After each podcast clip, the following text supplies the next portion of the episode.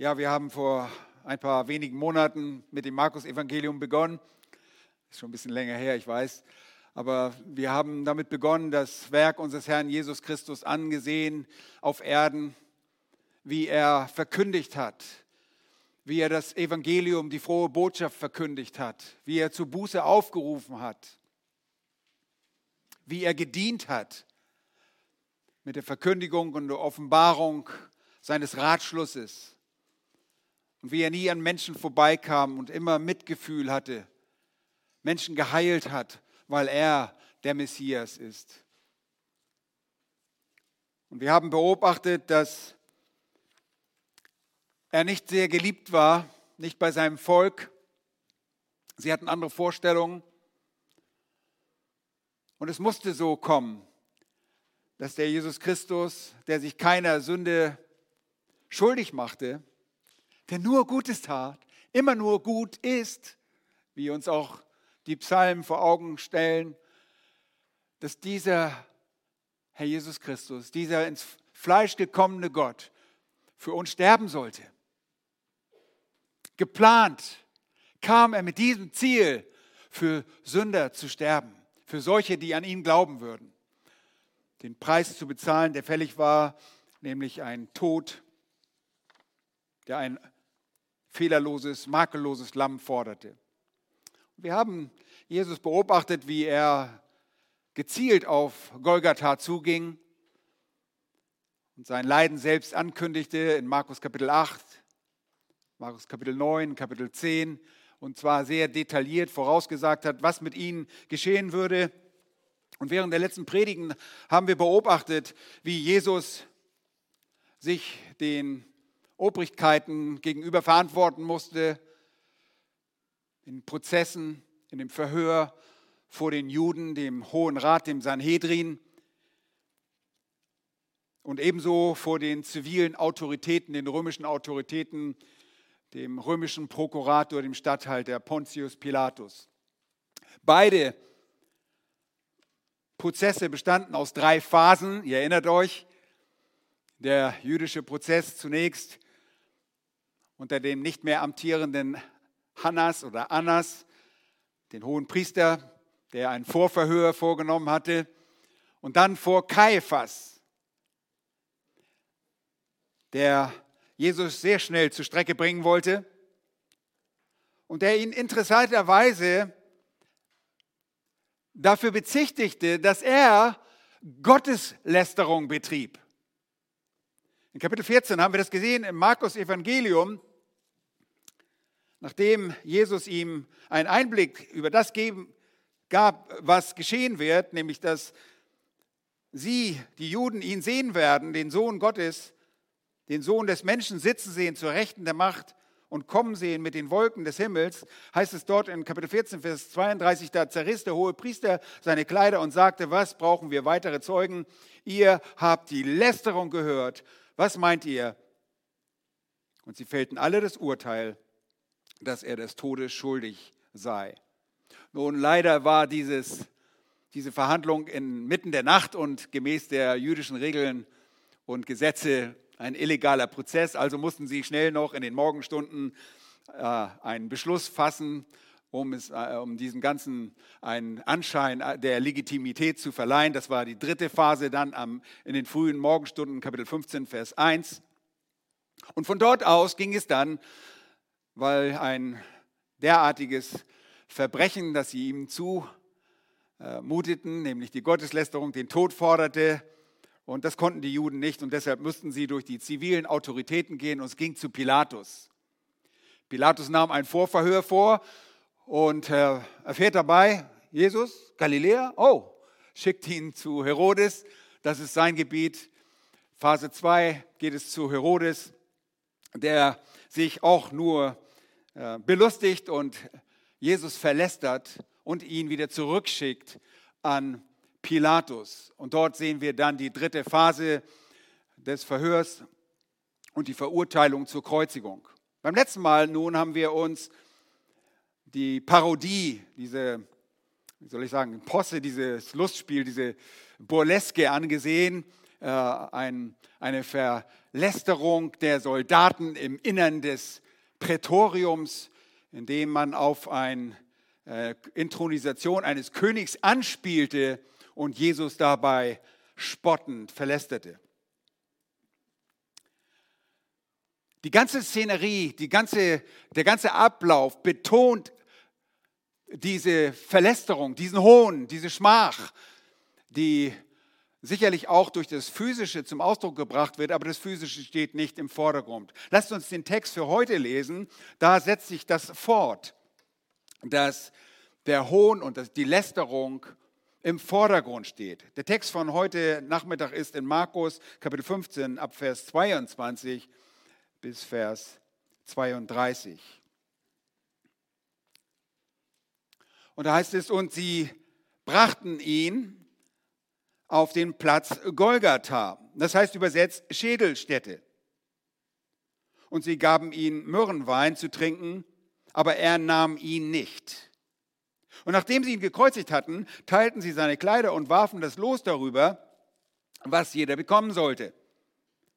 Es war aber die dritte Stunde, als sie ihn kreuzigten.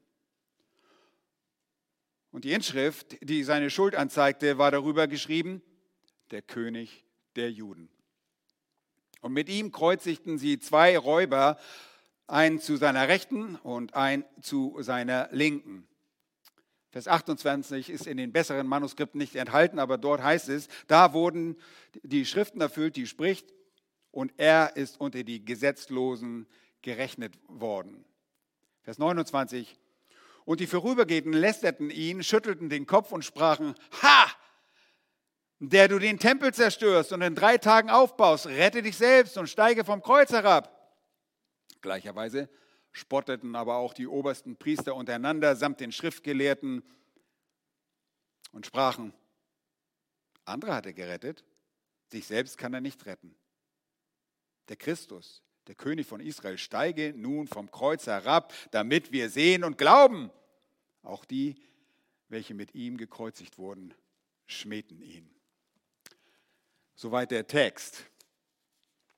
In diesem Text wird sehr deutlich, in Hinsicht auf das Verhör und das Abführen Jesu zum Kreuz, sehen wir, dass unter der Leitung des Heiligen Geistes nicht die physischen Leiden des Herrn Jesus Christus betont werden. Der Text betont nicht, ich betone das nochmals, betont nicht die physischen Leiden der Kreuzigung.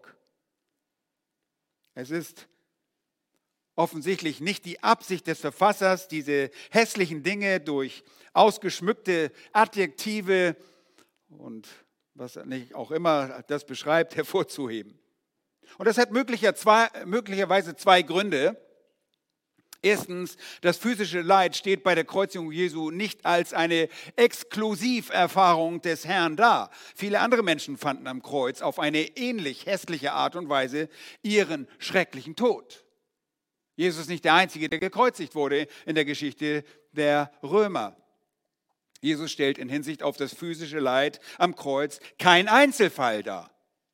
Zweitens, wird das physisch erfahrene Leid des Herrn nicht betont, weil Kreuzigungen bei den Menschen dieser Epoche sehr bekannt waren und eine detaillierte Beschreibung der physisch erlebten Agonie des Gekreuzigten somit überflüssig gewesen wäre. Nun, ich möchte damit die Ernsthaftigkeit der physischen Strafe am Kreuz keineswegs minimieren. Aber nochmals, das physische Leid war für den Herrn nicht, es war nicht die größte Not, die er erleben sollte. Und wie die Evangelisten durch ihre Berichterstattung herausstreichen, steht die emotionale und die geistliche Not des Herrn im Vordergrund. Der Abschnitt vom vergangenen Sonntag als auch die Erfahrung im Garten Gethsemane unterstreichen diese Tatsache, diese Beobachtung auch die in Gethsemane erwartete Angst des Herrn bestand nicht in den kommenden physischen Leid. Sie bestand vielmehr für den Herrn Jesus in dem Wissen um den Zorn des Vaters, den Jesus am Kreuz in seinem Todeskampf erfahren sollte. Der Zorn, den eigentlich den Sünder treffen sollte, aber der den Herrn Jesus Christus stellvertretend für alle die auf den Herrn Jesus fällt, die an ihn glauben sollten. Bei alledem erinnern wir uns, dass das ganze Leid nicht primär durch menschlichen Willen, sondern durch göttliche Absicht über den Sohn Gottes erging. Und wir erinnern uns an Jesaja 53 und dort in Vers 10, der erste Teil dieses Satzes, da heißt es aber, Jahwe gefiel es, ihn zu zerschlagen. Er ließ ihn leiden. In unserem Abschnitt vom vergangenen Sonntag und in unserem heutigen Abschnitt steht also die Verspottung des Sohnes Gottes und die Gotteslästerung im Vordergrund. Der in diese Welt gekommene Sohn Gottes wird in seiner freiwillig gewählten Schwachheit des Fleisches verlästert und verhöhnt. Und dabei haben wir gerade festgestellt, ironischerweise beim zweiten, in der zweiten Phase des äh, jüdischen Verhörs bezichtigen sie Jesus der Gotteslästerung. Deshalb sollte er sterben. Jetzt sind sie die Lästerer, die Gotteslästerer. Und obwohl wir keine Opposition vom Herrn hier erleben, so wissen wir, dass die Lästerung Gottes eine schwere, wenn nicht die schwerste Straftat der Menschen darstellt. Im Alten Testament wird das durch die Gesetzgebung deutlich. Wir lesen in 3. Mose Kapitel 24 und Vers 16. Da heißt es, und wer den Namen Jahwes lästert, der soll unbedingt getötet werden. Die ganze Gemeinde soll ihn unbedingt steinigen, sei es ein Fremdling oder ein Einheimischer. Wenn er den Namen lästert, so soll er sterben. Nun, den Namen zu lästern bedeutet nicht, dass man mit seinen Worten nur gegen Jahwe Gott spricht, sondern auch Handlungen verlästern Gott. Eine Lästerung hatte also die schwerwiegendsten Folgen für den Menschen unter dem Gesetz, egal ob er als ein Fremdling unter den Israeliten wohnte oder ob ein Einheimischer war, ein Israelit selbst war. Wer den Namen Gottes lästerte, der musste sterben und das geschah in der Regel ohne einen großen zeitlichen Verzug. Wir wissen von Jesus, und zwar aus dem Markus-Evangelium und dort in Kapitel 3, wenn ich mich recht entsinne. Ja, da heißt es, dass äh, Jesus lehrt, wahrlich, ich sage euch, alle Sünden sollen den Menschen vergeben werden, auch die Lästerung, womit sie lästern. Wer aber den Heiligen Geist lästert, dem sollte nicht verge äh, vergeben werden, und ich möchte da jetzt nicht weiter darauf eingehen, aber das ging darum, dass einige die volle Erkenntnis hatten und dennoch Jesus die Werke, die er tat, dem Teufel zuschrieben. Also, Sünder waren nicht in der Lage, Schlimmeres zu tun, als den lebendigen Gott zu lästern und sind auch nicht in der Lage, heute etwas Schlimmeres zu tun, als Gottes zu lästern. Nichts, das der Sünder tun könnte, könnte Gott mehr beleidigen als dieses Verhalten und Reden der Gotteslästerung. Es gibt keine schlimmere Gotteslästerung als Gott in dieser Art und Weise zu behandeln, wie wir es hier auch in diesen Momenten der Geschichte sehen. Und angesichts der Abscheulichkeit dieses Verhaltens und Redens fragen wir uns, ob nicht vielleicht die Zeit für Gott gekommen wäre, dass er eingreift. Und wir lesen diesen Text und wir denken, Gott, wo bist du? Heißt es nicht, dass Lästerung mit dem Tod bestraft werden sollte? Und wir könnten mit Recht erwarten, dass ein heiliger und gerechter Gott auf diese Form der ultimativen Gottesverlästerung reagiert, indem er Zorn und Rache und Wut über diese Gotteslästerer ausschüttet. Ein solches Vergehen, so könnte man denken, sei unverzeihlich. Und ich meine sogar in der Welt der Götzen, die von Menschen und Dämonen erfunden wurden, würde kein falscher Gott irgendetwas auch nur annähernd ähnliches dulden. Sollte da der wahre und heilige Gott nicht seine Würde und Ehre in einem gewissen Maße bewahren, diese durch schnelles Handeln schützen? Sollte der wahre und heilige Gott, der sich selbst in den überzeugendsten Beweisen seiner Göttlichkeit als solcher offenbart hat und jetzt auf solche Weise gelästert wird, sollte er nicht mit heiligem Zorn reagieren und einen schnellen und unmittelbaren Tod dieser Menschen herbeiführen? Sollte er nicht sofort Gericht an ihnen verüben? Ja, das könnte man denken. Und sagt, so dachte auch Asaf im Psalm 74. Und er fragt in Vers 10, oh Gott, wie lange darf der Widersacher schmähen? Wie lange? Soll der Feind deinen Namen immerfort lästern? Nein, Gott reagiert nicht auf diese Art. Stattdessen erweist er seine göttliche Geduld mit den Gotteslästerern.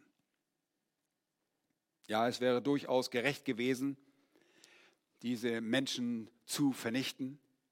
Aber Gott ist Gott und er handelt gemäß seinem Wesen und er weiß sich auch heute noch als derjenige, der geduldig und gnädig ist. Göttliche Geduld mit Gotteslästerern. In der Trübsal, die über diesen Erdkreis kommen wird, werden die Menschen auch von Gottlosigkeit beherrscht sein. Sie werden aufgrund ihrer Unbußfertigkeit sehr geplagt werden, so sagt es uns die Offenbarung.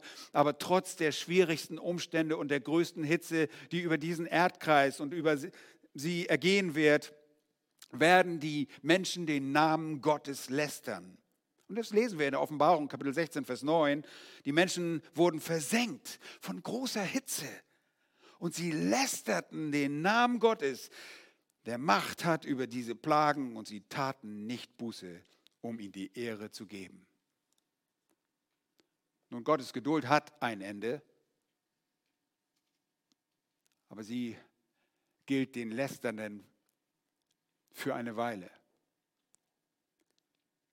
Da heißt es auch in Kapitel 16, Vers 11, und sie lästerten den Gott des Himmels wegen ihrer Schmerzen und wegen ihrer Geschwüre, und sie taten nicht Buße von ihren Werken. Und dann heißt es in Kapitel 16, äh, Vers 21, und ein großer Hagel mit zentnerschweren, was haben wir gesagt, 35 Kilo schweren Steinen kam aus dem Himmel auf die Menschen herab. Und die Menschen lästerten Gott wegen der Plage des Hagels, weil seine Plage sehr groß war. Ihr Lieben, Gott hat so viel Geduld, aber seine Geduld hat auch ein Ende. Ihr Lieben, es ist tatsächlich so, dass sich gottlose Menschen den Tod lästern oder auch fluchen können. Ich erinnere mich an einen Rettungseinsatz im Norden Kanadas, bei dem ein Indianer mit einem langen Messer regelrecht aufgeschlitzt wurde. Und ich erinnere mich daran, wie wir ihn halten mussten, weil er bei der Versorgung heftigen Widerstand leistete, betrunken war und dabei schrecklich fluchte und lästerte. Und nach dem Zeitpunkt dachte ich, er flucht sich jetzt bestimmt zu Tode. Im letzten Augenblick konnten wir einen jungen Arzt aus der Hauptstadt des Territoriums in unser, Arzt, in unser Dorf einfliegen, damit dieser Mediziner nach dem einen Lungenflügel des Verletzten bereits kollabierte, das Blut aus dem Pleuraspalt entfernt werden konnte. Der Mann wurde gerettet, aber gewiss nicht, weil er Gott anrief. Gott erwies diesen Mann Gnade. Nun, er ist tot heute, das habe ich gehört. Nachdem ich Kanada verlassen habe, habe ich gehört, er ist schon gestorben. Aber seine Gnade und seine Geduld hat ein Ende. Nun, hier in unserem Text ist es nicht ein Fluchen, sondern wirklich ein Lästern.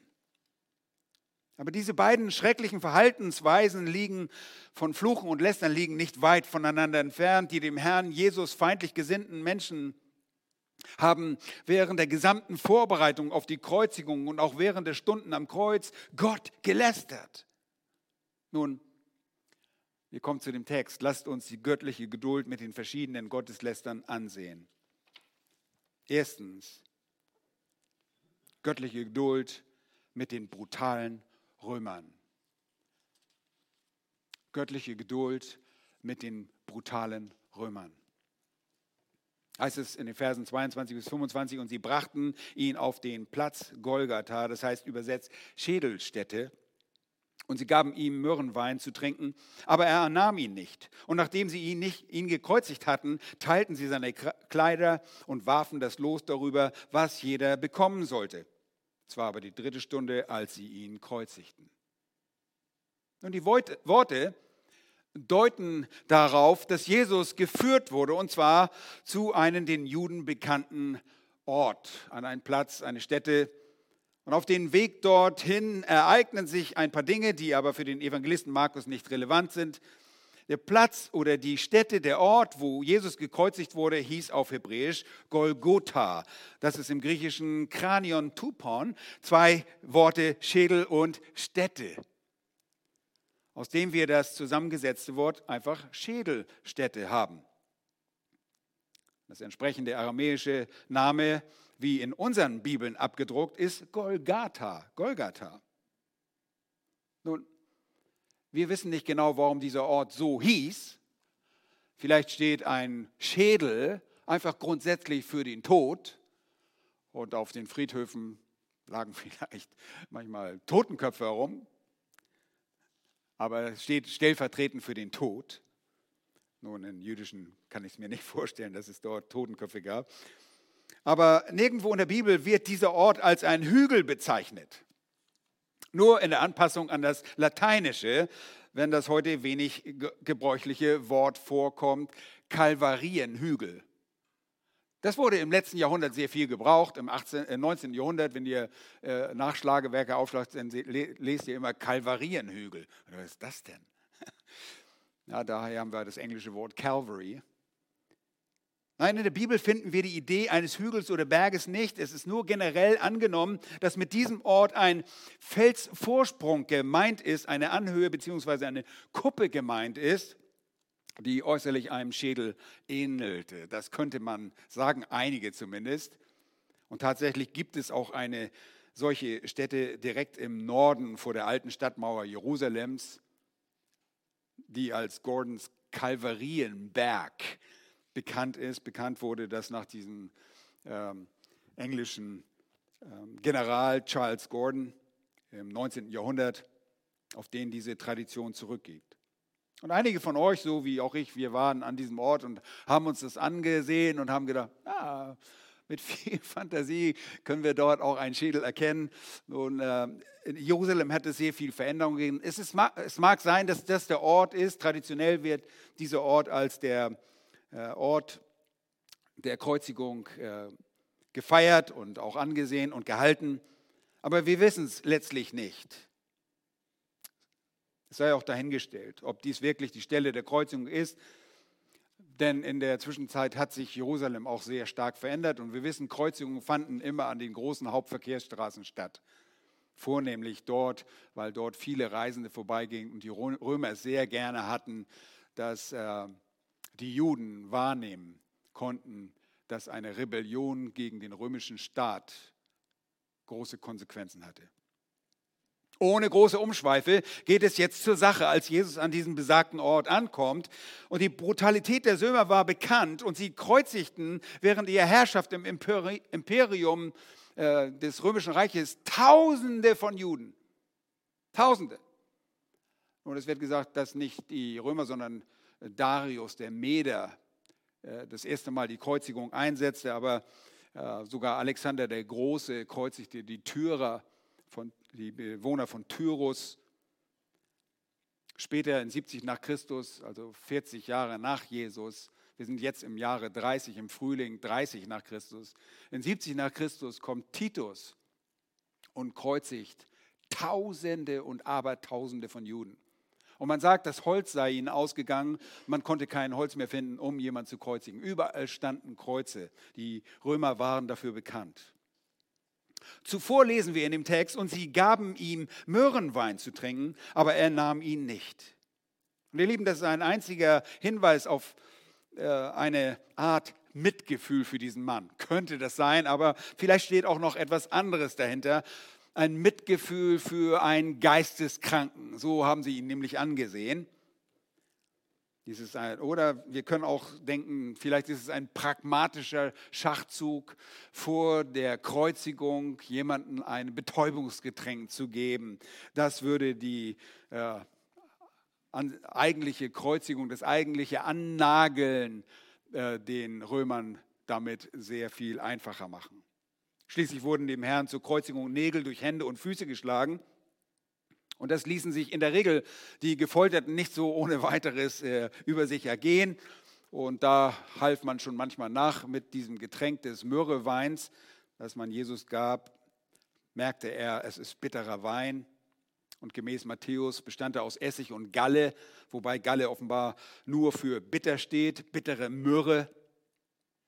Diese Mischung galt als ein Betäubungsmittel und wirkte sich kurzfristig betäubend aus und dämpfte die Schmerzen des Gekreuzigten, vernebelte sein Wahrnehmungsvermögen.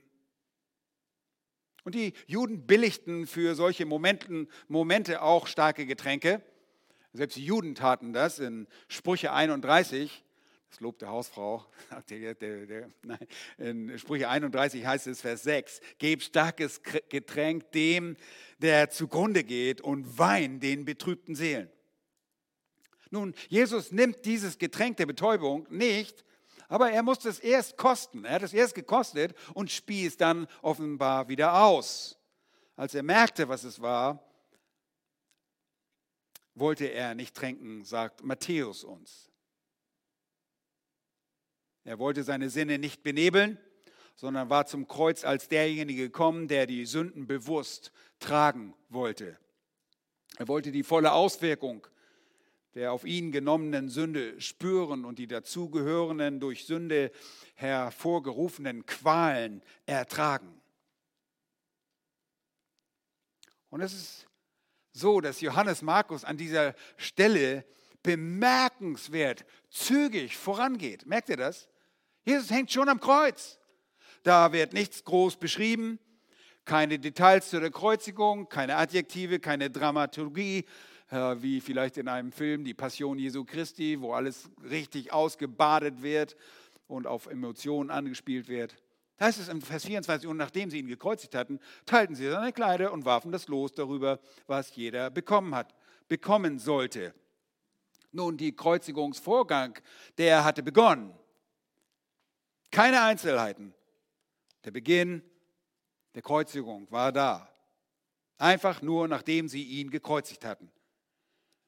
Und die mit der Ausführung beauftragten Soldaten hatten dabei nichts Besseres zu tun, als die Kleidung unter sich aufzuteilen. Und das war ihr kleiner Nebenverdienst, der ihnen durch diese schreckliche Aufgabe zuteil wurde oder werden sollte. Und außerdem war es auch ein kleiner Zeitvertreib. Man konnte losen und hat ein kleines Spiel dabei, mal sehen, wer was gewinnt. Es müssen wohl viele Soldaten beauftragt worden sein für die Kreuzigung, denn durch vier werden die Kleider Jesu aufgeteilt. Johannes schreibt, in Johannes 19, Vers 23, als nun die Kriegsknechte Jesus gekreuzigt hatten, nahmen sie seine Kleider und machten vier Teile, für jeden Kriegsknecht ein Teil. Und dazu auch noch das Untergewand. Und das Untergewand war aber ohne Naht von oben bis unten in einem Stück gewoben. Da sprachen sie zueinander, lasst uns das nicht zertrennen, sondern darum losen, wem es gehören soll. damit die Schrift erfüllt würde, die spricht, sie haben meine Kleider unter sich geteilt und über mein Gewand das Los geworfen. Dies nun taten die Kriegsknechte, sagt Johannes. Und damit erfüllten sie die Gottes, von Gottes Geist gewirkten Worte aus Davids Psalm in Psalm 22, Vers 19, wo genau dies steht, was ich gerade gelesen habe. Die ganze Prozedur muss einfach nur schrecklich gewesen sein, ein Akt, der in aller Eile vor sich ging. Denn bereits um 9 Uhr morgens ist Jesus gekreuzigt. Vers 25 schaut dort. Es war aber die dritte Stunde, als sie ihn kreuzigten. Der Morgen begann bei den Juden mit Sonnenaufgang gegen 6 Uhr und die dritte Stunde ist logischerweise 9 Uhr. Es ist unfassbar, dass unser Gott diese Dinge über seinen Sohn, die hier über seinen Sohn ergehen, dass er sie zulässt. Und es scheint beinahe irreal zu sein, denn es ist als so, als würde der Allmächtige nicht sehen, was dort vor sich geht. Aber das tut er natürlich. Und nur in seiner göttlichen Geduld nimmt er zunächst stillschweigend hin, wie sein eingeborener Sohn leidet und die Schmerzen eines üblen Todes erträgt. Und wir erinnern uns, er lässt seinen Sohn dort sterben. Gott lässt hier seine allgemeine Gnade walten, die allen Menschen gilt, da sie als Sünder in diese Welt kommen und prinzipiell sofort von einem heiligen Gott ausgelöscht hätten werden können. Es wäre nicht verkehrt gewesen, wenn Gott gekommen wäre und die Sünder getötet hätte. Aber es ist auch Jesus selbst, der sich für diese Lästerer und Übeltäter verwendet. Er, Jesus, sprach, Vater, vergib ihn, denn sie wissen nicht, was sie tun. Welch unfassbare Gnade, welche Geduld, welche Zurückhaltung Gottes, aber welch effektives Gebet des Herrn Jesus. Denn nur sechs Stunden später lesen wir von der Bekehrung des Hauptmannes. Es gibt noch eine davor, aber da komme ich gleich hin. Sechs Stunden später lesen wir von der Bekehrung des Hauptmannes, der dieser Kreuzigung beigewohnt hatte. In Markus 15, ihr braucht noch ein paar Verse weitergehen, Vers 39. Als aber der Hauptmann, dieser römische Hauptmann, der ihm gegenüberstand, sah, dass er so schrie und verschied, sprach er, wahrhaftig, dieser Mensch war Gottes Sohn. Was für eine Aussage. Dieses Wort kam aus dem Herzen eines veränderten Mannes, der diesen vermeintlich verrückten Juden am Kreuz sterben sieht und hört und sagt, sowas habe ich nicht erlebt, dieser Mensch war Gottes Sohn. Er hatte ein verändertes Herz, weil Gott sich seiner angenommen hatte. Und wir können es kaum glauben, aber nicht nur diesen Römern, die Gott hätte auslöschen können, sondern auch dem Pilatus wurde mehr Zeit in seinem Leben gegeben. Die göttliche Geduld mit Gottes Lästeren macht bei ihm keine Ausnahme. Zweitens, göttliche Geduld mit dem sarkastischen Statthalter. Göttliche Geduld mit dem sarkastischen Statthalter. Und da heißt es Vers 26, angefangen und die Inschrift, die seine Schuld anzeigte, war darüber geschrieben, der König der Juden. Und mit ihm kreuzigten sie zwei Räuber, einen zu seiner Rechten und einen zu seiner Linken. Vers 28, der Vers, der in Frage steht, ob er in den alten und besseren Manuskripten enthalten ist oder nicht, da heißt es, da wurde die Schrift erfüllt, die spricht, und er ist unter die Gottlosen gerechnet worden. Offenbar hatte der römische Statthalter Pontius Pilatus noch nicht genügend Hohn und Lästerung über Jesus gebracht, denn er ließ über dem Haupt Jesu eine große Tafel mit der einzigen Anklage anbringen, die gegen Jesus erhoben wurde.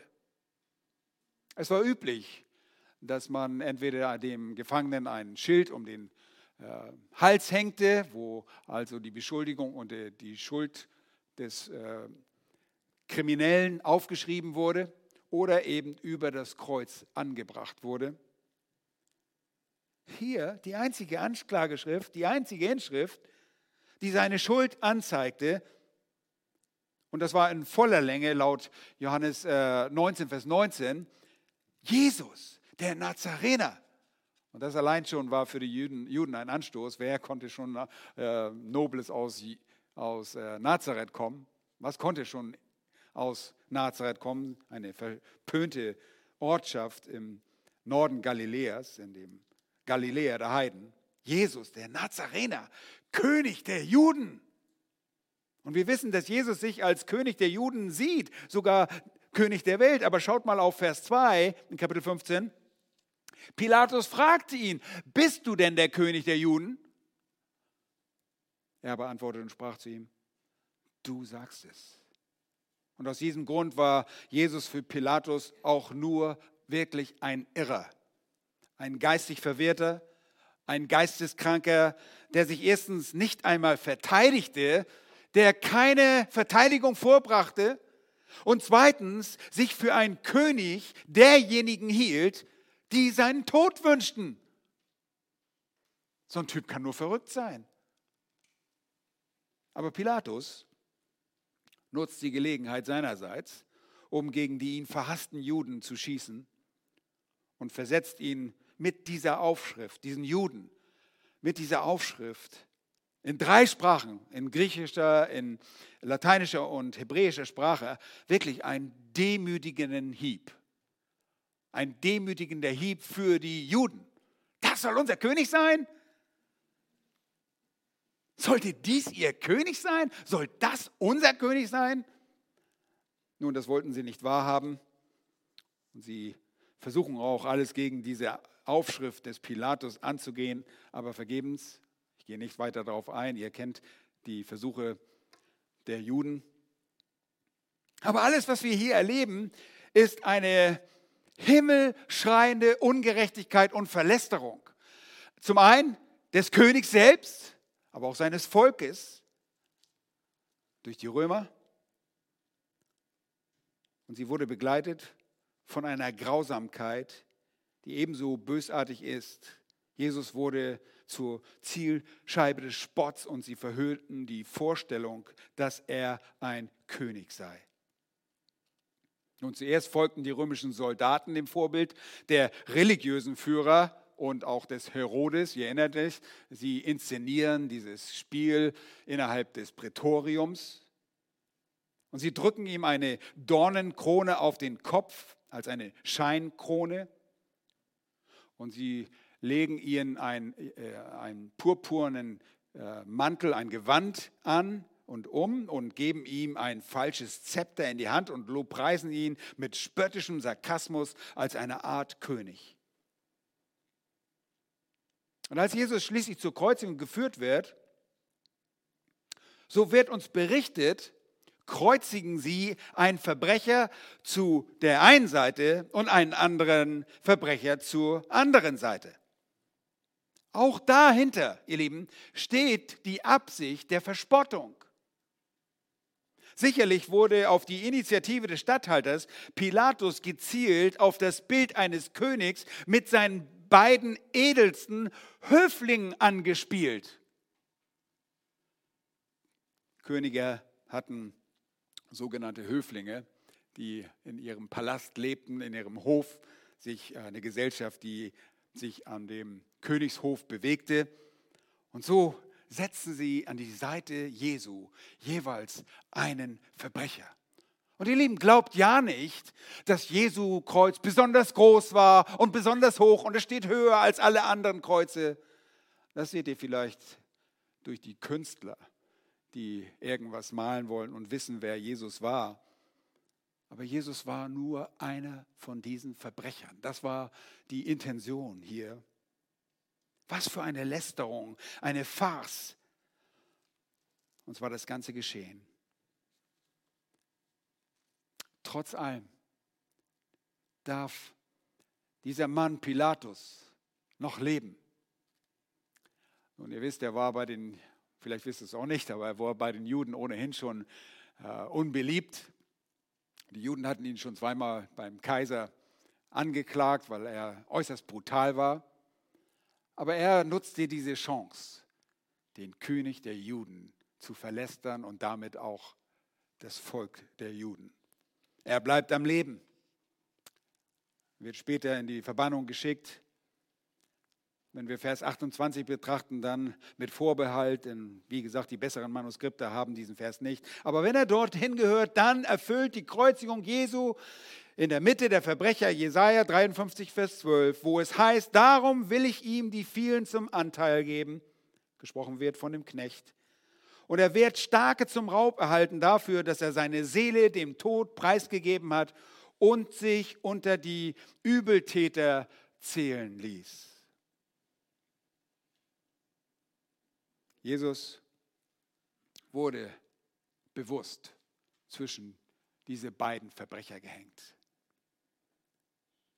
Eine Verlästerung Gottes. Sein Kreuz ist nicht größer, sein Kreuz ist nicht höher und auffälliger, nein, es ist nur, er ist nur einer von ihnen, ein Verbrecher. Welch Lästerung und doch welch göttliche Geduld mit diesem sarkastischen Mann, dass er noch leben durfte. Drittens, die göttliche Geduld war auch mit dem hämischen Gaffern. Hämischen Gaffern. Nun, wir alle wissen, was Gaffer sind. Seitdem es Autobahnen gibt, wissen wir alle, was Gaffer sind. Rubbernecks, die, wo sich die Köpfe alle drehen und alle die Unfälle sehen wollen. Und hier waren genau solche Gaffer unterwegs. da heißt es, Vers 29, und die Vorübergehenden lästerten, sie schüttelten den Kopf. Und sie schüttelten den Kopf, die guckten nicht, die waren schaulustig, deshalb waren sie da und sprachen, ha! Der du den Tempel zerstörst und in drei Tagen aufbaust, rette dich selbst und steige vom Kreuz herab. Göttliche Geduld. Nun, offenbar waren einige von den falschen Zeugen aus dem Prozess bei Kaiphas gegen Jesus noch immer von der Partie und wollten jetzt den Herrn auch am Kreuz sterben und leiden sehen. Und sie hätten ganz offensichtlich die Aussage Jesu zu Beginn seines Dienstes aus äh, Johannes Kapitel 2 in den falschen Hals bekommen und benutzten nun ihr falsches Verständnis als Anlass zu einer schmähenden Lästerung. Und wir wissen, dass Jesus in dem Kontext von Johannes 2, als er von dem Tempel sprach, von dem Tempel seines Leibes sprach, der jetzt in unserer Begebenheit durch den Akt der Kreuzigung zerstört werden sollte und den er tatsächlich nach drei Tagen wieder aufrichten würde. Zuvor im Prozess bei Kaiphas lesen wir dort in wenn ihr eine Seite zurückschlagt, Markus 14, Vers 57, da standen etliche auf und legten ein falsches Zeugnis gegen ihn ab und sprachen, wir haben ihn sagen hören, ich will diesen mit Händen gemachten Tempel zerstören und in drei Tagen einen anderen aufbauen. Das ist noch eine andere Variante, der nicht mit Händen gemacht ist. Seht ihr, die haben das alles falsch in den Hals gekriegt. Jesus sagte wirklich, was in Kapitel 2, in Johannes 2, da spricht er mit den Juden in Johannes 2, Vers 19 und sagt, brecht diesen Tempel ab. Und damit zeigt er nicht auf die Gebäude des herodianischen Tempels, der damals noch im Bau war. Brecht diesen Tempel ab und in drei Tagen will ich ihn aufrichten. Das, was Jesus dort sagte, bezog sich auf seinen eigenen Leib. Und so wie die Juden zu dem Zeitpunkt diese Aussage falsch verstanden, so wussten auch die Vorübergehenden, diese Gaffer, nicht, wovon Jesus sprach. Der Apostel Johannes erklärte dort in Johannes 2, Vers 21, er aber redete von dem Tempel seines Leibes. Und die Ironie in dieser Angelegenheit ist, dass sie dass sie, die Vorübergehenden, die ihn so gerne am Kreuz sahen, sie, die mit Sicherheit noch vor wenigen Minuten schrien, kreuzige ihn, kreuzige ihn, den Anlass dazu geben, dass dieser Tempel seines Leibes jetzt zerstört werden sollte. Ist das nicht interessant? Nun, an der Auferstehung seines Leibes hingegen konnten sie keinen Anteil nehmen, denn er selbst sollte ihn wieder aufrichten. Und so erfüllt sich das gesprochene Wort aus Johannes 2 und dient als Zeichen dafür, dass Jesus der Christus ist, dem Glauben zu schenken ist, dem man vertrauen und dem man nachfolgen sollte. Hier begegnet Jesus diesen Vorübergehen mit Feuer von Himmel. Wie? Nein, macht er nicht. Göttliche Geduld behält die Oberhand. Möglicherweise erhielt sogar später auch einer dieser Lästerer die rettende Gnade Gottes. Wir wissen es nicht. Die Lästerung nimmt kein Ende, aber auch nicht die göttliche Geduld in diesen Momenten. In den Versen 31 und 32 a, dann zu Beginn des Verses 32 sehen wir die göttliche Geduld mit dem spottenden Sanhedrin. Die göttliche Geduld mit dem spottenden Sanhedrin. Da heißt es gleicherweise spotteten aber auch die obersten Priester untereinander samt den Schriftgelehrten sprachen, andere hat er gerettet, sich selbst kann er nicht retten. Der Christus, der König von Israel, steige nun vom Kreuz herab, damit wir sehen und glauben. Und hier sind nun die Verantwortlichen, die Drahtzieher dieser Kreuzigung überhaupt. Sie traf die allergrößte Schuld. Sie waren Abtrünnige Gottes. Sie waren Abtrünnige vom Gesetz und waren der menschlichen Tradition verfallen, nicht der Schrift. Zu der Schrift hatten sie keine Beziehung, keine tatsächliche und deshalb auch nicht zu Jesus. Sie glaubten weder an Jesus als den Messias und schon gar nicht, dass Jesus auferstehen könnte. Warum sollte Jesus also vom Kreuz herabsteigen? Ihr Lieben, dieser Gedanke, und das sprechen sie so aus, steige nun vom Kreuz herab, damit wir sehen und glauben.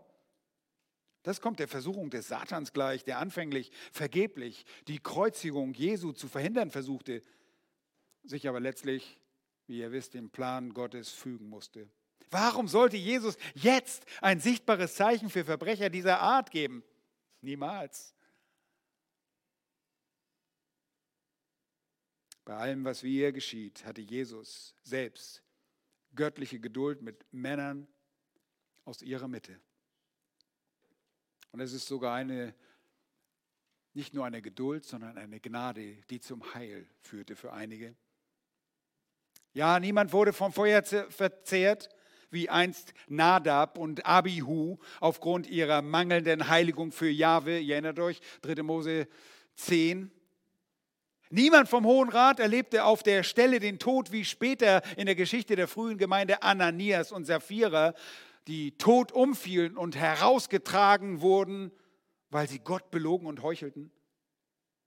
Ja, die göttliche Geduld wurde sichtbar, denn aus ihrem Rat gab es letztlich solche, die im Geheimen den Gehirn angehörten.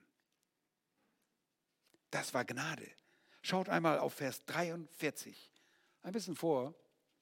Da kam Josef vom Arimathea, ein angesehener Ratsherr, der selbst auch auf das Reich Gottes wartete. Der wagte es, ging zu Pilatus hinein und bat um den Leib Jesu. Das ist nachdem Jesus gestorben ist. Johannes sagt in Kapitel 19, Vers 38, dass dieser Josef ein Jünger Jesu war. Jedoch heimlich, aus Furcht vor den Juden.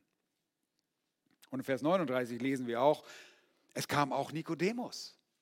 Kennen wir den auch irgendwoher? Ja, auch aus dem Hohen Rat, ein Oberster der Juden, so wird er uns in Johannes 3 beschrieben, der zuvor bei Nacht zu Jesus gekommen war. Er brachte eine Mischung von Myrrhe und Aloe, etwa 100 Pfund. War das ein verändertes Leben?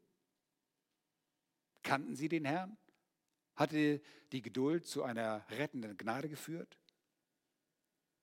Und dann kommt noch die wunderbare Beschreibung von Lukas in Lukas 23 und Vers 50 von Josef. Und siehe, heißt es dort, ein Mann namens Josef, äh, Josef aus Arimathea, einer Stadt der Juden, der ein Ratsherr war, also ein Ratsherr aus dem Hohen Rat, ein Mitglied des Hohen Rates, des Sanhedrins, ein guter und gerechter Mann, der ihrem Rat und Tun nicht zugestimmt hatte. Nun, wenn wir Markus 15 lesen, da stimmten doch alle zu. Nein, es gab jemand, der nicht zustimmte. Der ihrem Rat und Tun nicht zugestimmt hatte, der auch selbst auf das Reich Gottes wartete, dieser ging zu Pilatus und bat um den Leib Jesu. Gott erwies sich nicht nur als geduldig, sondern als gnädig. In dem Leben des Josef und des Nikodemus. Und er ließ diese Männer am Leben. Und später in der Apostelgeschichte kommen sogar viele der Priester zum Glauben, vielleicht auch einige von den Ratsmitgliedern, wie Josef von Arimathea und Nikodemus. In Apostelgeschichte 6 und Vers 7 heißt es, und das Wort breitete sich aus und die Zahl der Jünger mehrte sich sehr in Jerusalem und eine große Zahl von Priestern wurde dem Glauben gehorsam. Wäre Gott gleich in seinem Zorn herniedergefahren, wäre niemand zum Glauben gekommen. Nun, die göttliche Geduld mit Gottes Lästerern ist auch besonders sichtbar und ich liebe diesen letzten Abschnitt mit den schmähenden Verbrechern. Die göttliche Geduld, die göttliche Gnade mit den schmähenden Verbrechern. Und als wäre diese ganze inszenierte Verspottung noch nicht genug gewesen. Jetzt lesen wir also noch von der Verschmähung und Verlästerung durch die Verbrecher. Vers 32b steht was? Auch die, welche mit ihm gekreuzigt wurden, schmähten ihn. Einer der Verbrecher, so heißt es im Lukasevangelium ausdrücklich, lästerte, wie in Lukas 23, 39. Einer der Gehängten, heißt es dort wörtlich, Übeltäter, lästerte ihn und sprach, bist du der Christus, so rette dich selbst und uns. Der andere so wisst ihr schon, wurde in den Stunden, an denen er am Kreuz hing, von einem Lästerer und Schmäher Gottes zu einem Kind Gottes, zu einem Geretteten. Ist das nicht wunderbar? Anfänglich schmähen beide den Herrn. Nach der Aussage des Markus schmähten beide, lästerten sie. Aber noch während sie dort hingen, wird einer von diesen beiden gerettet. Göttliche Geduld. Lukas 23, Vers 42 sehen wir diesen Verbrecher. Er sagt, Herr, Herr, gedenke an mich, wenn du in deiner Königsherrschaft kommst. Seht ihr, er hatte schon einiges aufgeschnappt. Der war ganz gut, der saß bei Daniel in der Theologie. Ja, die Königsherrschaft, die kommen würde. Das hatte er begriffen. Wenn du in deiner Königsherrschaft, dann will ich bei dir sein. Und Jesus sprach zu ihm, wahrlich, ich sage dir, heute wirst du mit mir im Paradies sein. Und ihr Lieben, wir sehen hier göttliche Geduld, göttliche Gnade in den Momenten der Verlästerung. Und ich denke an mein Leben zurück als Nicht-Christ, wie dankbar bin ich, dass Gott mich bis zu dem Zeitpunkt bewahrt hat vor seinem Zorn. Für einige von euch waren das viele Jahre, viele Jahre als gottlose Menschen habt ihr Gott gelästert durch euer Leben. Und wisst ihr was? Manchmal lästern wir heute noch als Kinder Gottes den Herrn durch unser Verhalten. Das soll nicht so sein. Deshalb werden wir in der Schrift dazu aufgefordert, alles abzulegen, jede Lästerung abzulegen. Gott ist gnädig. Aber diese allgemeine Gnade, die ich hier angesprochen habe, und teilweise eine rettende Gnade, die allgemeine Gnade hat ein Ende. Gottes Gnade für Gottlose hält nicht ewig an. Sie gilt nur den Glaubenden. Denn Jesus ist gekommen, die Sünde am Kreuz zu tragen, die Strafe des Kreuzes auf sich zu nehmen. Denn in wenigen Stunden wird der ganze volle Zorn des Vaters auf Jesus Christus kommen. Der Zorn all derer, die glauben, sollte den Sohn treffen. Und nur derjenige, der das glaubt, und darauf vertraut, wird ein verändertes Leben haben. Nur derjenige, der bereit ist, Gott so zu vertrauen, dass er ihm nachfolgt. Glaube ist ein Ruf in die Nachfolge, ein Ruf zum Gehorsam. Preis den Herrn für göttliche Gnade, auch für Lästerer. Ich wäre so ein toter Mann. Ich glaube, ich wäre, ich hätte als Kind, ich weiß nicht, als Baby kannst du ja nicht lästern, aber, aber aufgrund meiner Natur hätte ich es verdient, in den ersten Jahr getötet zu werden, weil ich getrennt von Gott bin. Eine Kluft ist zwischen dem Sünder und Gott. Und Jesus Christus musste diese Kluft überwinden, indem er meine Strafe auf sich nahm. Jesus brachte ein Opfer, aber nicht wie wir. Er brachte ein Sühneopfer. Und das ist der große Unterschied. Wir können Opfer bringen, wir können uns hingeben.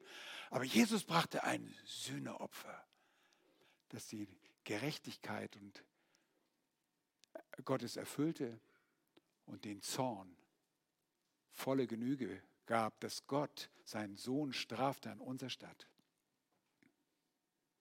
Wenn du kein Kind Gottes bist und ich dir in aller, mit allem Respekt sagen kann, du bist ein Lästerer, dann kehr heute um. Gottes Lästerung wird eines Tages mit dem ewigen Tod bestraft. Wenn dein Muster in deinem Leben nicht gebrochen wird durch deinen Hilferuf zu Gott, Herr sei mir Sünder gnädig, so wirst du in die ewige Verdammnis gehen. Gott allein durch seinen Sohn kann dir das Heil und die Erlösung bringen. Und deshalb kehre heute um. Heute, wenn du seine Stimme hörst, bade dich nicht in seiner Geduld. Schütze dich nicht in dieser temporären Geduld Gottes. Die kann heute zu Ende sein. Heute kann dein Leben ein Ende finden. Und dann bist du ewig verloren. Lass uns dafür beten. Herr, wir sind dir so dankbar, wenn wir in unser Leben hineinblicken.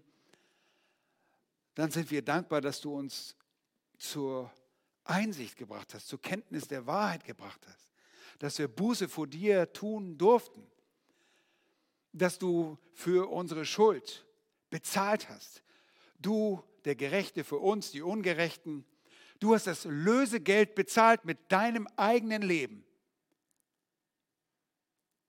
damit wir, die wir geistlich tot waren, lebendig würden. Und Herr, solche, die an dich glauben, die durften mit dir sterben am Kreuz. Die Sünde ist gerichtet. Danke dafür, dass wir volle Vergebung haben. Nicht nur für Vergangene, sondern sogar für Sünde, die noch kommen wird. Hast du gesühnt und bezahlt. Du hast der Gerechtigkeit des Vaters volle Genüge getan. Du hast ein gerechtes, heiliges Leben geführt und bist dennoch gestorben als ein Opferlamm, ein Sühneopferlamm. Danke, dass du unsere Erlösung erwirkt hast. Wir preisen dich und wir beten, dass wir Gelegenheit haben in diesen Tagen, wenn wir mit Menschen ins Gespräch kommen. Wir bitten dich darum, dass wir Freimütigkeit haben, diese wunderbaren Wahrheiten, die wir selbst auch begreifen durften, weil du uns dein Wort hast erhellt, weil das helle Licht des Evangeliums aufleuchten durfte in unserem Herzen. Dieses Evangelium möchten wir Menschen bringen. Wir flehen dich an, baue deine Gemeinde, füge du hinzu, eine Gemeinde der Lästerer, die einst Lästerer waren und Ehebrecher und Verbrecher und Knabenschänder und alle jegliche Art von Verbrechen.